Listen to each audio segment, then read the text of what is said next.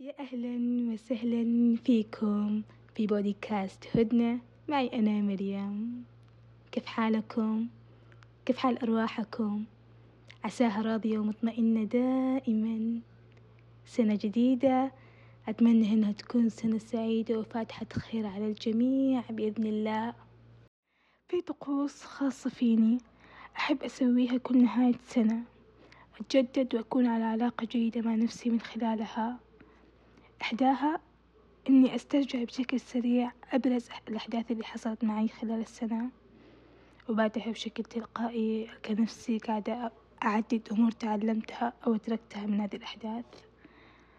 مرات أكتبها ومرات أكتفي بمناقشتها مع نفسي. بس هذه المرة وأنا أكتبها قلت خليني أشاركه كحلقة في هدنة لأني كذا حتكون افتتاحية السنة إن شاء الله. ومنها ممكن أحتفظ فيها وممكن تساعد شخص آخر بإذن الله. يلا. أول شي فعليا هذه السنة أثبتت لي عبارة إن الحياة مدرسة. كنت أحس إن كل شي يصير معي عشان يعلمني أو يهذبني بشكل ما. سواء الأشخاص اللي أقابلهم أو علاقاتي عموما أو المواقف اللي تصير معي أو المشاعر اللي أحسها. التغييرات الصغيرة اللي طرت علي وكان لها تأثير فعلا كبير على حياتي. كل هذه الأشياء كانت تعلمني أو توعيني بشكل ما.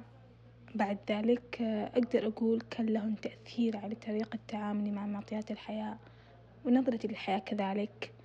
ثاني شي تعلمت أتقبل مشاعري وكيف أتعامل معها. مشاعري اللي كانت لمدة طويلة مسببة لي أزمة فعليا. شخص طبيعي يشعر بمية شعور. وشعور أنا كنت أبغى من نفسي إني أشعر بشعور واحد فقط وغيره يقابل باستنكار. وهذا ذكرته في حلقة خذ وقتك. فتعلمت أتقبل كل شعور أحسه وأتعامل معاه المعاملة المناسبة له كذلك. يعني بدون أي مقاومة أو على الأقل يعني مقاومة من النوع اللي أنا ما أبغى أحس بهذا الشعور. أبغى أحس بالشعور الفلاني كذا هذه المقاومة كانت مرة يعني تسبب جهد كبير في نفسي وتأخذ من طاقتي كثير. وأنا كنت مستمرة على فعله. فتعلمت أتقبل مشاعري وهذه أحس نقطة هذه أبرز أحداث السنة. هذا ثانيا. طيب ثالثا أدركت إن فعلا نعمة عظيمة جدا إن يكون للإنسان عين تبصر الأشياء الجيدة اللي حوله.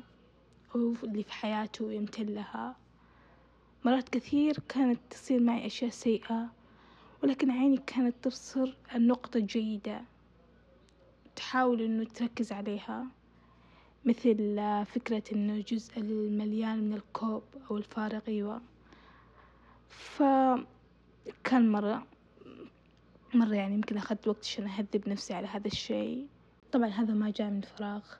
بعد محاولات كثيرة من إني أحاول أهذب نفسي.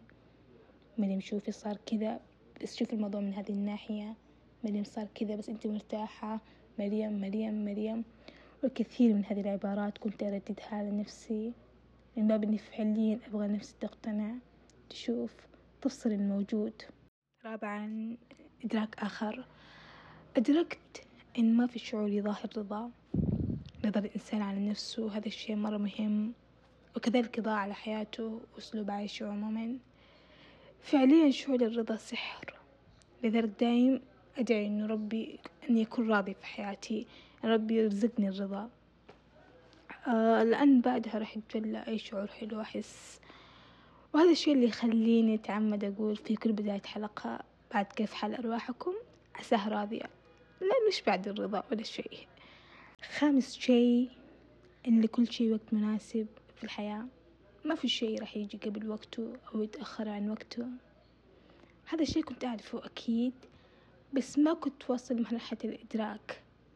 فبعد تجربة صغيرة مرت فيها أدركت وهذا أحس إنها طمأنة العمر. وفي مقولة لجلال الدين الرومي رافقتني لفترة وهي إنه كل شيء ينتظر وقته. لو وردت أن تتفتح قبل وقتها ولا شمس تشرق قبل وقتها. أنتظر الذي سيأتيك. أعتقد أنه كل ما أدرك الإنسان هذا الشيء في وقت مبكر كل ما أسست حياته بشكل ما. في أشياء كثيرة أحس لو أدركناها بشكل يعني في وقت مبكر استسهلت حياتنا بشكل مرة كبير. ابحث عن هذه الأشياء في حياتكم. وأخيرا الصحة النفسية. ما أذكر إني أعطيت موضوع الصحة النفسية اهتمام قبل هذه السنة. وفي هذه السنة فعلا كان نقطة فارقة في حياتي. لما تزين صحتك النفسية بتتبع بعدها يزين كل شيء سواء صحتك الجسدية سواء نظرتك للأمور حتى مشاعرك حول أمور كثيرة تتغير. إنه أنت أصلا غير إنك تبدأ تعرف نفسك أكثر وأكثر آه وتبدأ تحتوي نفسك. أحس أكثر شي حلو سويته إني سعيت عشان أحسن من صحتي النفسية وأوازنها قدر المستطاع. التوازن جميل. فيا اسعى لأنك تعيش بصحة نفسية جيدة قبل كل شيء لأن يجي بعدها كل شيء بشكل يرضي عليه نفسك. أعتقد أن هذا المهم. هذا بشكل مبسط حصيلة نفسي من سنة 2022 في إدراكات أخرى أكيد لكن شاركت الأبرز والمؤثر أكثر على حياتي. إن شاء الله ساعد من خلالها شخص. أو إنك أو والله إنه يهمني إنك قضيت وقت وإنت تسمع هذا الوقت مقدر وممتلك وأتمنى إنه كان وقت لطيف. أوكي. وطبعا راح أسألك كالعادة أنت شنو تعلمت أو أدركت من ألفين واثنين وعشرين؟ وكان له أثر على نفسك؟ لو حبيت تشاركني يسعدني ذلك. كل ما يخص هدنة تلاقونه في صندوق الوصف. ودمتم بود ورحابة دائما